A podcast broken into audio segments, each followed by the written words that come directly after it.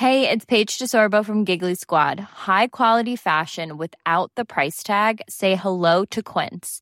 I'm snagging high-end essentials like cozy cashmere sweaters, sleek leather jackets, fine jewelry, and so much more. With Quince being 50 to 80% less than similar brands. And they partner with factories that prioritize safe, ethical, and responsible manufacturing. I love that. Luxury quality within reach. Go to quince.com slash style to get free shipping and 365-day returns on your next order. quince.com slash style. Ja, det er et utrolig fint bord. Et veldig fint bord. Mykt og stor andel av allikevel mykt bord. Hvor fant du det eh, bordet? henne? Nei, all materialet er jo voksen her i, i Saltdal. Går du i skogen og finner I skogen, og, og når det skal hogges ei flate, så går jeg med sprayflasker og sprayer de tre som jeg mener er egnet til det her. Ja. Og så har jeg sagbruk, skjærer de opp, og så får jeg bekreftet eller avkreftet mine antakelser. Og det er jo også man lærer ut av, ikke sant? Altså den kunnskapen å se tre i skogen og se hva som er inni, Ja. det er også en stor kunnskap. Hvor ofte tar du feil nå etter 30 år? Nei, altså feil og feil, altså, altså Nei, jeg vet ikke hva jeg skal si, men, men, men altså, altså Man er jo avhengig av det det blir høyt, så man er bundet til en plass. Ja. Og, og ellers, hvis man hadde fritt valg, så ville man nok funnet bedre materiale. for å si det sånn. Jeg ville bare funnet sånne bord. Ja. Men det gjør jeg ikke. Så, så ja, man tar hva man har, og så Det som er ikke bra, det blir til husbygging eller kledning eller Ja. annet. Ja. Så alt, all bord blir jo maskinhøvlet, men for å få en fin, lett overflate, så håndhøvlet er alle gode.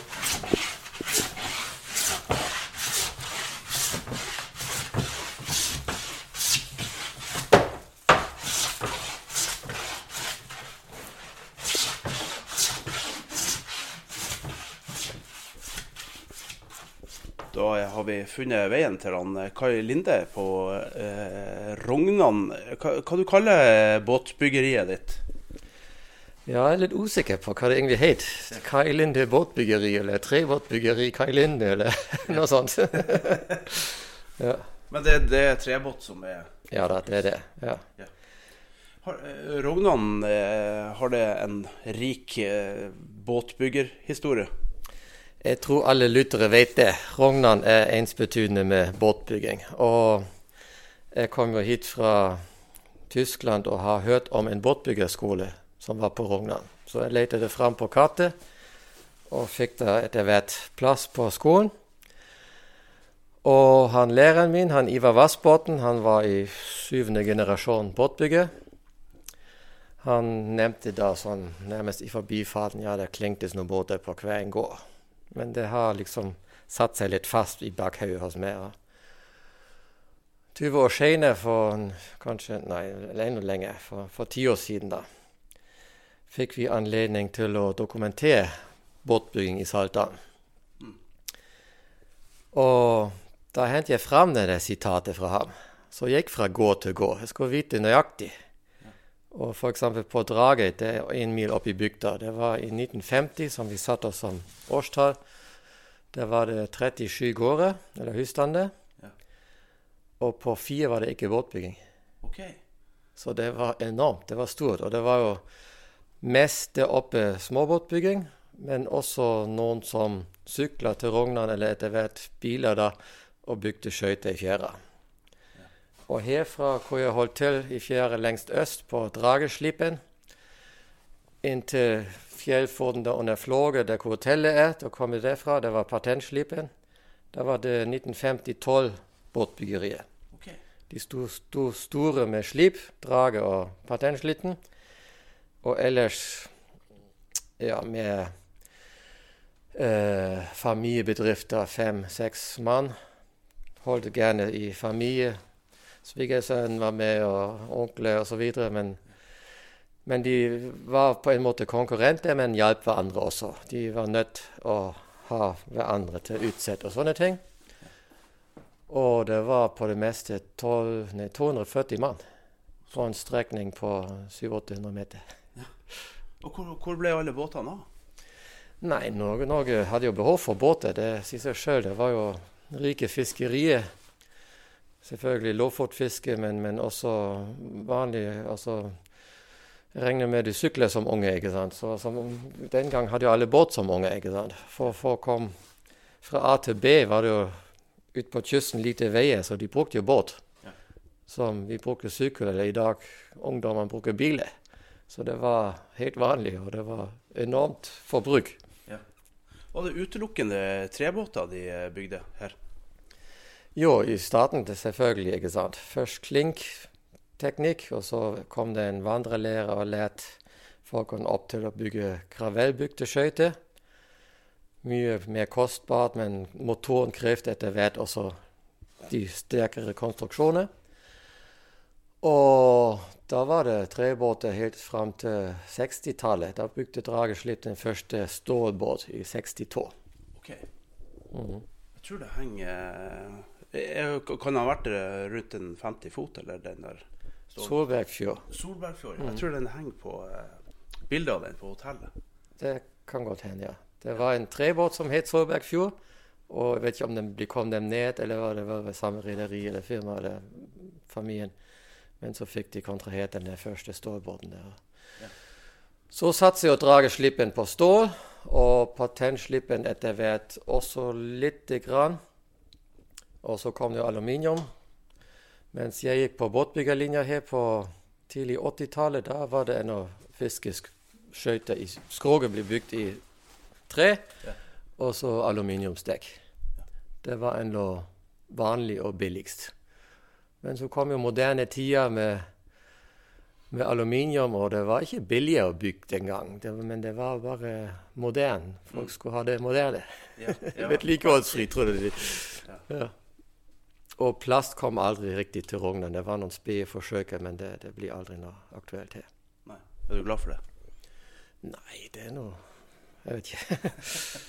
det er noe Men Hvor du tror denne interessen din kommer fra? Har det alltid har det ligget der eh, latent, eller? Jo da, det, altså når man er oppvokst med båtbruk, med seiling og sånt, og leker i vannet med båt, så, så er det jo nærliggende det, og så har man litt en interesse eller, eller dragning mot håndverk. Så jeg hadde en storebror som mitt store forbilde, og han var nå litt nevenyttig, og så, så ble det nå det. Det var jo eh, vanskelig, eller man måtte jo kunne å, å finne det som til slutt skal bli en, en båt. Er det også en kunnskap som du har lært, eller bruker du andre til å finne emnene? Nei, du kan si sånn håndverk er jo en, en handlingsbåren kunnskap som blir overført fra far til sønn, egentlig. Jeg vet hva det betyr, fordi jeg lærte å bruke båten og lærte å seile fra min far. Min bestefar var også seiler, så det ligger i familien. Og jeg vet hvor mye det betydde, eller betyr for meg å ha det inni morsmerka. Altså akkurat her med etter faren eller de som kunne. Her med etter å få det inn at det er en, en, en enorm verdi. Så med båtbygging Dessverre, jeg har jo hatt ikke en far som var båtbygger. Så jeg må ty til gamlingene her i dag. Jeg kom jo som 20-åring her til Saltdalen, og fra min lærer lærte jeg veldig mye. Som sagt, han var jo en, en gammel båtbygger. Han Ivar Vassbotn. Men så var jeg ut etter skolen i Danmark og Hardanger og kom tilbake i 92. Det er jo 30 år siden, ikke Ja, Ja, det er tida går. Og da holdt jeg med til han Fridtjofsen, han Henning. Han var egentlig en riktig stor spissbåtbygger og en av de siste som levde den gang. Og han var jo gammel og hadde lagt opp, men han kunne det. Og han besøkte jeg veldig mye, og fikk også lokka inn i mitt verksted i en gammel fjøs. Ja. Og trykka høvel i han, og så høvla han i vei. Og, og vi bygde ikke en hel båt sammen, men vi, vi jobba litt i lag. Og det, det er det var viktig for å få inn en del håndlag. Ja. Og, og du kan si den der handlingsbårne kunnskapen som er blitt overført fra far til sønn, han har jo bortimot utdødd. Det er, på Nordlandsbåten er det en familie i Bindal som er egentlig det eneste tradisjonsbæret. Ja. Men ellers er det utdødd. Men man har jo satt i gang store forskningsarbeider. Altså når jeg begynte på ja, Jeg bygde, bygde, jo min første båt etter skoletid om kveldene på 84, var det det, ikke sant. Og det var han, han Gunnar Eljan oppe i Tromsø. Han gikk jo foran. Han gikk også båtbyggerlinja her på Rognan ti år før meg. Og han holdt på i den tida med å skrive i lag med han Godal et stort verk, firebindsverk om Nordlandsbåten og fjordsbåten. Og de gikk jo også løs på vi gamlingene. Intervjua dem. Ja. Og han Gunnar bygde også en båt i lag med en i Vindal. Og den kunnskapen da blir jo videreformidlet til, til yngre som kom da etter hvert, ikke sant? Ja. Det er jo veldig eh, populært å få tenkt på den her eh, verdensarvlista. Du snakka noe om at akkurat denne type tradisjon nå er på Unescos verdensarvliste. Men, men hvordan, hva er denne tradisjonen som vi ser på? Nei, altså det er Jeg fortalte jo om den der handlingsbårne kunnskapen, og at jeg vet å ta vare på. At det var nesten utdødd, men Ja. så er det mange som har tatt igjen tråden, opp igjen tråden og, og bygger tradisjonsbåter. Vi er jo en, en, en håndfull over hele landet spredt for forskjellige båttyper. Nordlandsbåt, Åfjordsbåt, geitbåt, vestlandsbåter osv. Og Forbundet Kysten, som er en interesseorganisasjon og gir ut blad, vi er jo alle medlemmer der, har vært det siden jeg kom til landet. Det er en veldig fin organisasjon, og de har jobba i flere år med denne Unesco-innskrivingen. Vi har en sånn uformell båtbyggergruppe. Vi har før truftes hvert år. I det senere var det litt dårlig med det her korona osv. Men, men Forbundet Kysten har da altså gått i lag med de andre nordiske landene. Men Forbundet Kysten her i Norge var pådriver og har fått det til at den nordiske klinkbåtsbyggingsteknikk Ja. blir skrevet inn i Unescos verdensarvsliste over ting som er verdt å ta vare på. Den der kunnskapen. Ja. Og det er egentlig enormt at det blir verdsatt fra myndighetene. Men jeg tenker på det er noe flott å stå på en liste, men det må jo også komme en handling ut av det. Og det er jeg både spent på, men også har en god del ideer til det. Fordi det er klart det er det her er utrydningstrua. Og de fleste av de andre båtbyggere som er mine venner, som har Ikke de fleste, men de, ja, de har en bein i det offentlige. De får enten en, en lønn fra et museum, de er museumsansatt, eller til og med fra universitetet oppe i nord. Eller Åselveverkstaden blir støtta av både fylke og kommunen for å ta vare den egen tradisjonen med Åselvebygging. De har lærlinger, og det blir videreført på det vis. Ja. Så da tar det offentlige ansvar. Jeg har drevet det her i, i 30 år, og, og har ikke denne bein i det offentlige. Og på så vidt har klart meg. Jeg har en lærling, og lærling får jo som andre vanlige lærlinger støtte fra staten til utdannet, utdanne, og det, det er vel og bra. Ellers hadde jeg ikke hatt lærling engang. ikke sant? Og, og mange av mine lærlinger holder fortsatt på med båtbygging. Noen har studert videre med skipsteknologi og sånne ting, men, men de fleste er blitt i båtbygging, i hvert fall i håndverket. Og hvor vi var stående nå, det var denne innskrivningen og ja, denne ideen.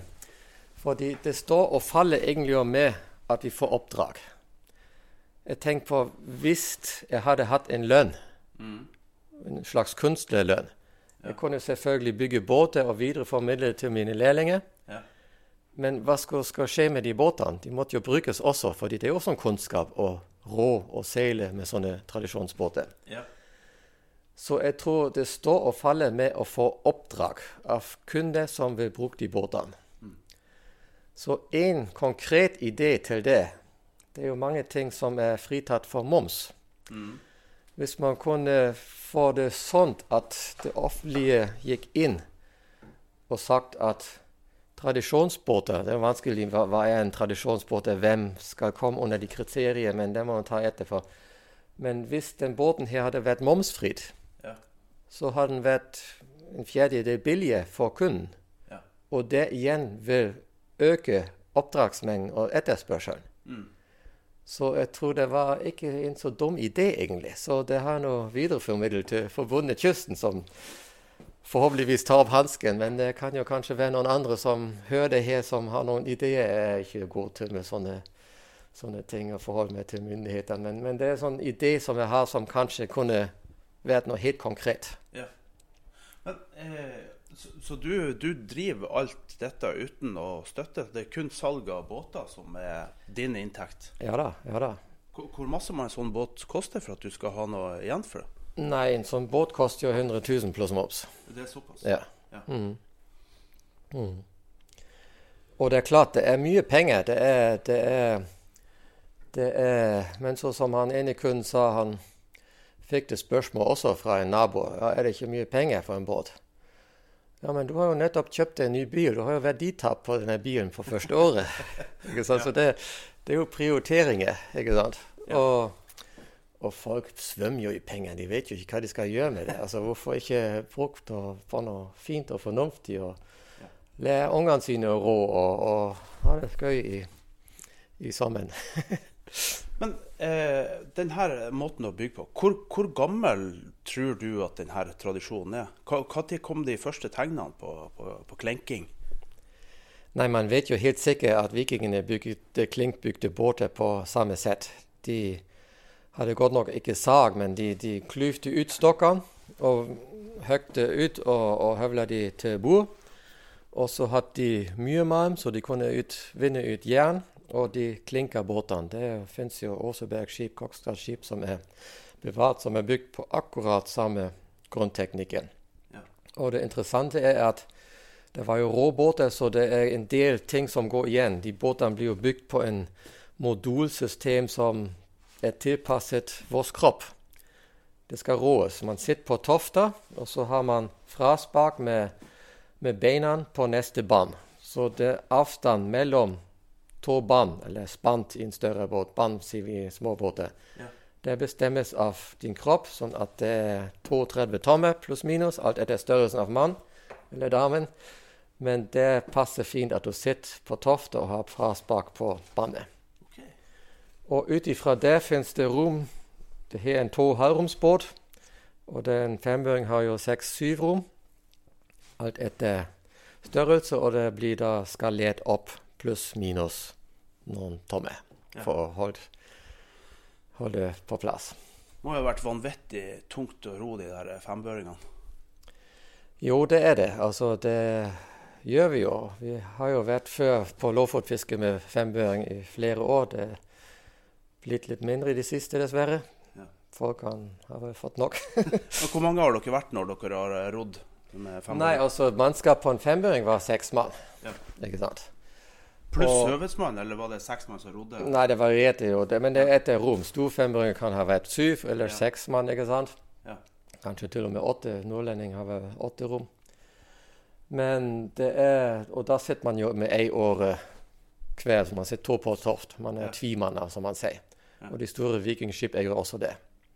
Mens de her småbåtene de er så smale, da har du ei åre i hver hånd. Der sitter du alene på ei toft. Ja. Men og det er jo ja. Unnskyld. Unnskyld. Nei, når vi prater om roing, altså ja. Jeg vet ikke når vi begynte med det. Altså, jeg tror i 93 trebåtdagene starta opp. Og ganske snart etter hadde jeg en sånn idé for å liksom holde ta vare på kunnskap om råing, men også for å lære meg sjøl å rå riktig med de her båtene. Altså, Alle folk sier jo de kan rå, men å rå og rå, det er, det er forskjellige ting. Så vi starta med Nordlandsbåt fem miler. Så vi rådde fem nautiske mil Det er over til Langset, som du ser, den lille Skogsholt, og tilbake. For å se ha en viss strekk, altså hva som må til for å kunne rå godt med en sånn båt. Mm. Og det blir jo utviklet. Jeg har lært utrolig mye. Og det var jo noen sportler som kom etter hvert til, og som rådde først riktig dårlig, men de lærte seg også å rå skikkelig godt. Så de rådde jo til slutt på under en time. Det vil si de rådde med fem knop i snitt over en time. Ja. Og det må jo sies at det, det, det er bra. Riktig. Har, er det noe som dere gjør årlig nå, eller? Ja, det har vi holdt fast. Nå ikke i koronatid, men ellers. Og det har også vært spredt over hele landet, egentlig. Ja. På kysten sine landstemner er det gjerne fem miler. Og det har vært opp i vi vet fra Liland, Grattangen, og ned for Helgeland har det vært, i Brønnøysund, Vega har det vært, og både Ja, også i Oslofjorden. Ja. Er det noen kriterier? Kan de komme med hvilken som helst slags båt, eller eh, må det være nordlandsbåt?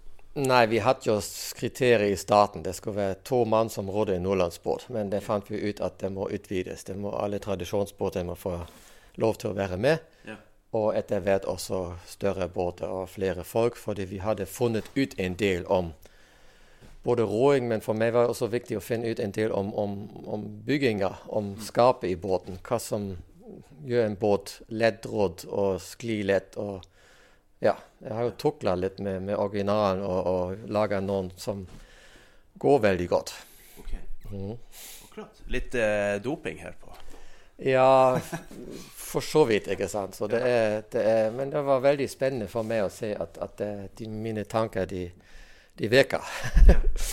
men det er klart, fiskene i gamle dager ville ikke rodd i den båten, fordi den var rask og rå. Men den manglende egenskapen på Lofothavet, eller med fisking, eller med å ligge riktig i forhold til vind under trekking av, av lina, Ja. eller, eller, eller juksa.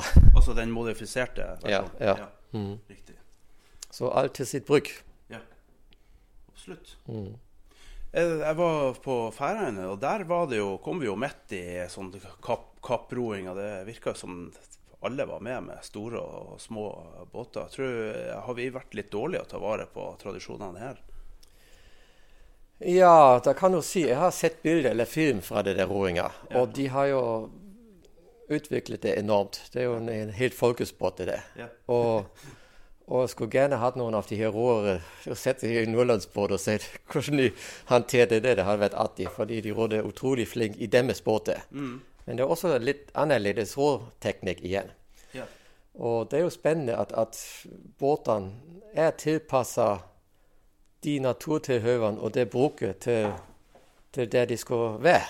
Ja. Det er det som er utrolig spennende. Men er alle, alle det man kan kalle innenfor nordlandsbåt bygd for å kunne seile? Altså fra, fra liten til stor? Eh, altså Når jeg får bestilling, så spør jeg eller, eller jeg vet jo om det skal bli seilbåter eller råbåter eller kombinert-båter. ikke sant? Ja. Så det er litt forskjellige egenskaper jeg legger i det.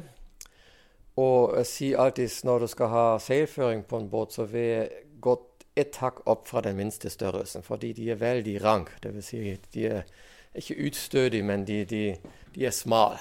Ikke sant? Og, og, og hvis man ikke riktig vet alltid hva man gjør med seiling, så, så, så er det lett for at, at de virker vinglet. ikke sant? Så hvis du går litt opp i størrelsen, så blir det litt mer trygg og traust og, og enklere for nymotens folk å seile, for å si det sånn. Ja. Er, er det bevegelse i dette skroget? Det er det. ja. Det er jo klinkbygd, og, og alt er sammenføyd som skal for så vidt holde, holde selvfølgelig, men, men det er en mykhet som, som også går igjen i sjøen. da. Mm. Ja. For, for det var, var veldig viktig, den, de eh, eller rekonstruksjonene de har gjort av vikingskipene. At eh, man hadde den rette eh, ja, bevegelsen i, i skipet. Er det, er det vanskelig å få det til?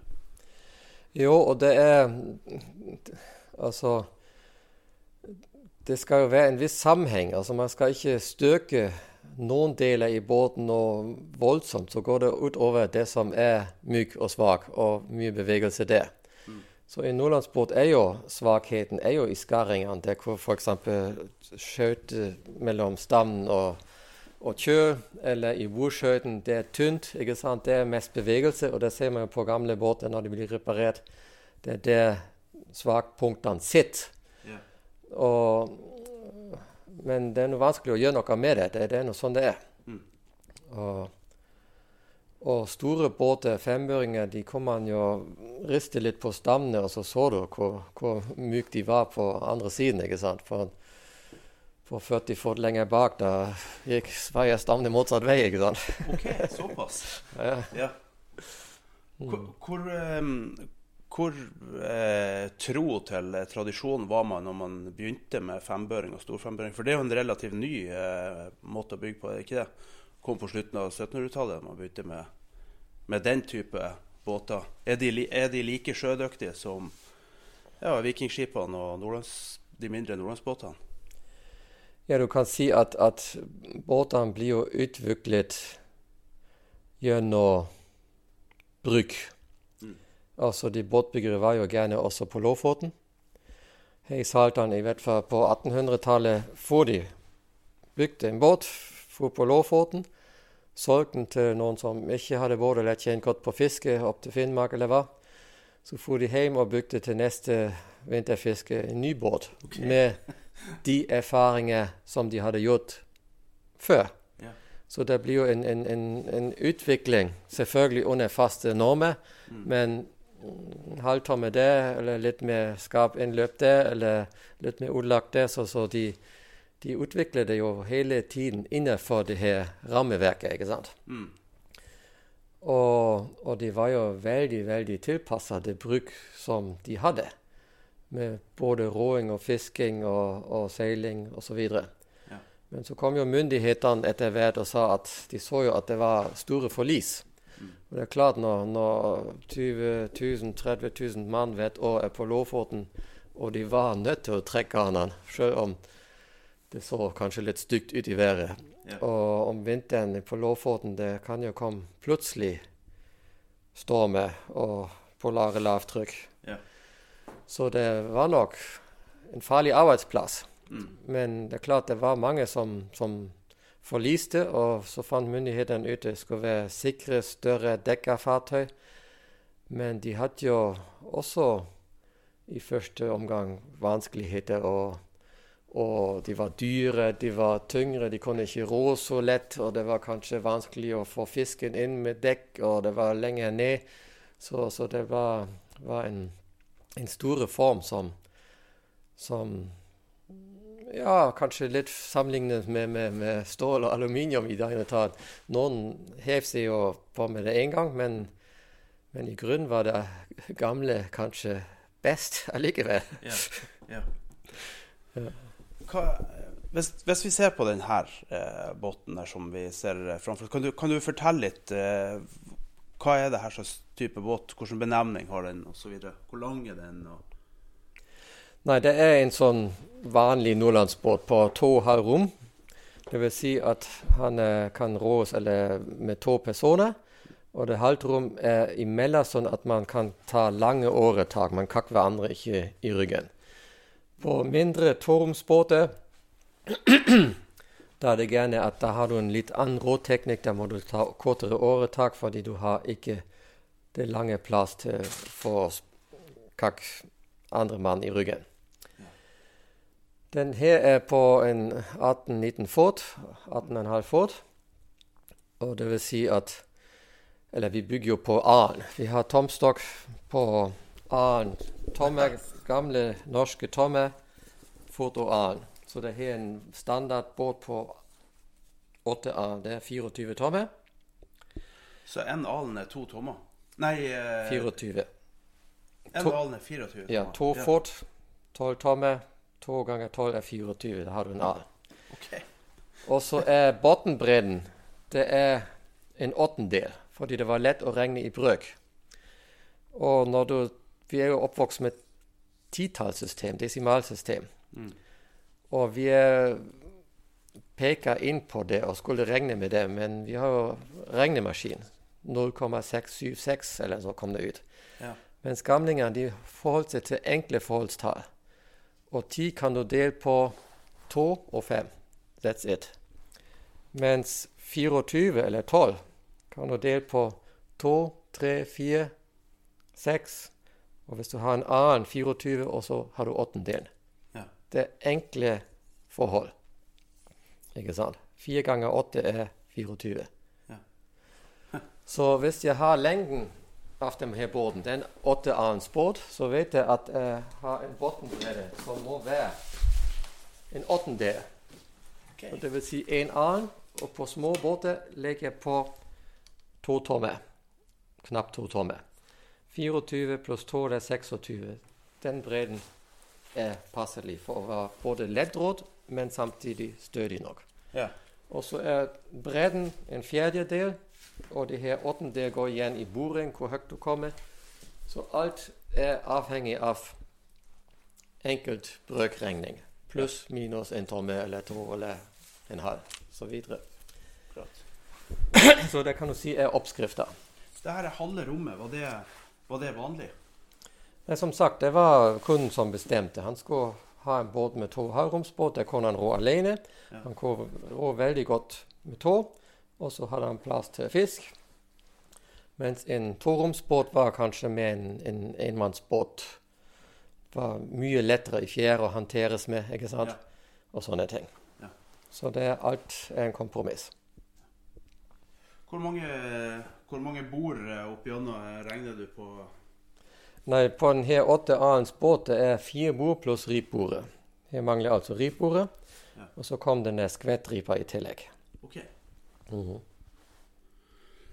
Hvis, hvis vi ser på den båten som den er nå, med, med spantene eller vann som du kaller det, hvor, hvor masse er det igjen fra de, jeg, de, de, de gamle, de første båtene vi vet? Er det stor forandring fra f.eks. sånn som man bygde Osebergskipet, eller de mindre båtene, og til, til denne? Nei, det er absolutt Absolutt ikke. Det er jo tusen utvikling imellom, men når du ser ned i kjøen her Ja. Her ser du jo det er en gatekjø. Han er høyt litt ut. Ja. Han er smal. Men de første båtene du kan tenke deg, det var uthule trestokker. Ja. Så denne uthullingen den går igjen her i kjøen. Okay. Ikke sant? Ja. Og så har de sett på bordet på det her stammen fordi de blir for liten, for smal. Ja. Ikke sant? Så klinker de på bordene her. Ikke sant? Så, og det her Åsebergskipene, akkurat det samme. Tusen års utvikling, men grunnbyggemåten er beholdt. ja. Fantastisk. Mm. Du, jeg er jo en av mange som har en gammel nordlandsbåt som dessverre ikke er seiledyktig lenger. Og jeg vil tro at det ligger ganske mange av dem rundt omkring i naust. Hva gjør man hvis man f.eks. har en oppråtna kjøl, eller man mangler et bord, eller hvordan, er, det, er, det, er det håp for dem, eller, eller må man tenke nytt? Nei, altså vi har jo reparert mange, mange gamle båt. Og, og, men jeg har også nekta å reparere gamle båt fordi de er for verdifulle til å for oss å tukle med de. Altså den siste båten Det var kanskje litt i grenselandet. Det var Eller jeg vet ikke. Det var en, en båt med historie. Det var en postbåten fra Værøy en treromsbåt som han postmannen faktisk sjøl har bygd. Men enten må han ha hatt med seg en båtbygger, ellers var han utrolig dyktig. fordi det, man kunne se at det var ikke en ekte, riktig nordlandsbåt. Men, men han kom såpass godt, eller veldig godt ifra det. Altså Han visste hva han gjorde. Ikke bare var han sikkert en, en dyktig båtbruker, men også samføyninger, og det var utrolig fint gjort. Ja. Og da måtte vi skifte kjøl, og skifte mange bord som var nesten gjenslitt av hælene. Altså her kom jo hælen fra når du spenner Ja. fottak. Så det var på det her det var fem åttendels bord. Det var bare noen millimeter bord igjen. Ja.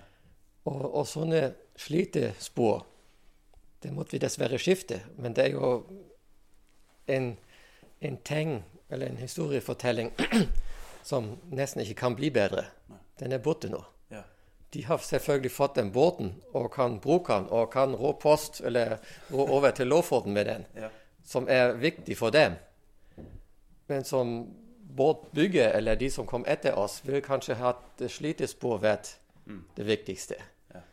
Så det har vært tilfellet for jeg sa at den båten, den skal på museet, den skal du ta vare på. Ja. Den reparerer jeg ikke. Og jeg har i starten gitt spesialpris på en kopibygg. Det gjør jeg ikke lenger, det tar full pris nå, men, men oppfordrer til å bygge kopier av de gamle, interessante båter og ta vare på den gamle så som han er. På, eh, på de fleste båtene så vises jo fortsatt den her eh, spesielle fargen som de har. Eh, Var det sånn at det var en kommunefarge, eller var det familiefarge, eller vet, vet du noe om det? Nei, man ser jo at, at fargebruken er nokså standardisert, men har selvfølgelig særpreg, og det er gjerne tilhørighet, altså hvor, hvor, hvor det var hen. Altså Bindalsbåtene de hadde kanskje en litt rosa rekke- eller ripekonstruksjon der oppe. Skvettripe. Oppe i Troms var det en del blåfarge, koboltblå, som ble brukt.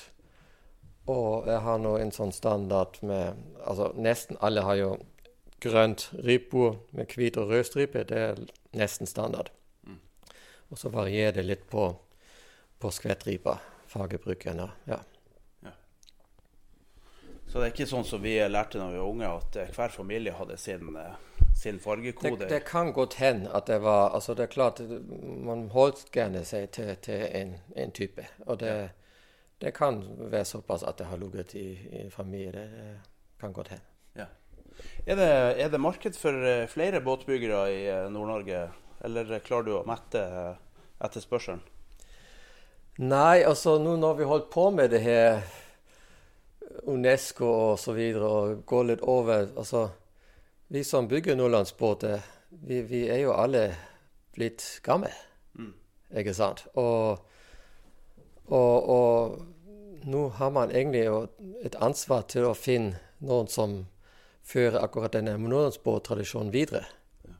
Det er det er ikke helt klart hvordan det skal gå videre. ikke sant? Det er, For det kan ikke læres fra en bok eller en eh, video. Det her, det her må du eh, egentlig lære fra, eh, fra far til sønn. Som du egentlig yes, ikke sant?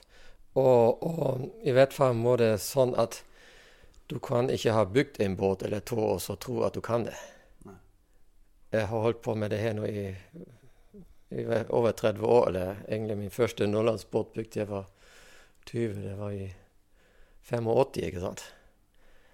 Og det er Jeg må holde det ved like, men øh, også Ikke oppdage, men, men føle at jeg får mer og mer innsikt i det og blir tryggere, rett, og slett. Ikke sant? Ja. Mhm.